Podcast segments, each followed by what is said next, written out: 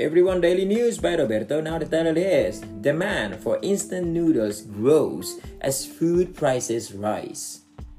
People in many countries are eating more instant noodles as food prices rise, a report said.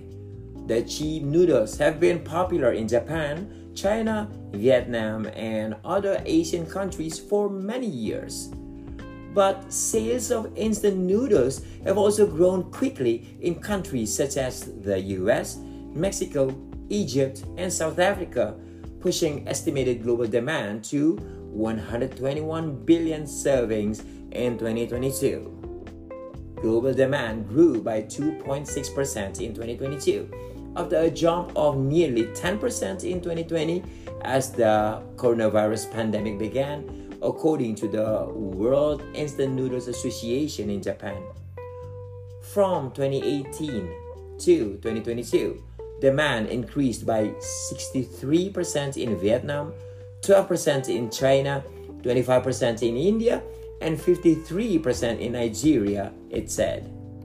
As food prices rise, middle class consumers who did not eat instant noodles before are now incorporating them into their daily lives. Japan's Nissin Foods, a major international producer of instant noodles, told Nikkei Asia. International sales have increased at Nissin Foods and Toyo Suisan, another major Japanese noodle producer.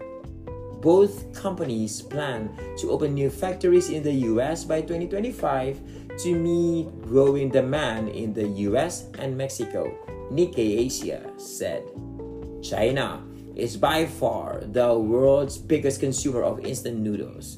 Demand there was 45 billion servings in 2022, 37% of the global total, and the World Instant Noodles Association said.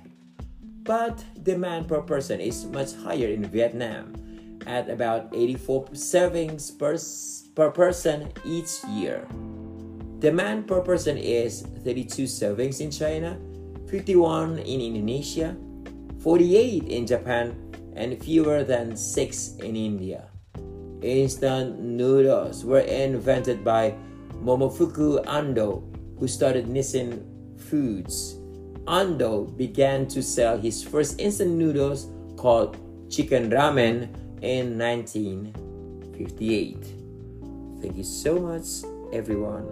I really hope that you consider this article as interesting. Okay, thank you so much. Bye bye. Stay healthy, stay happy.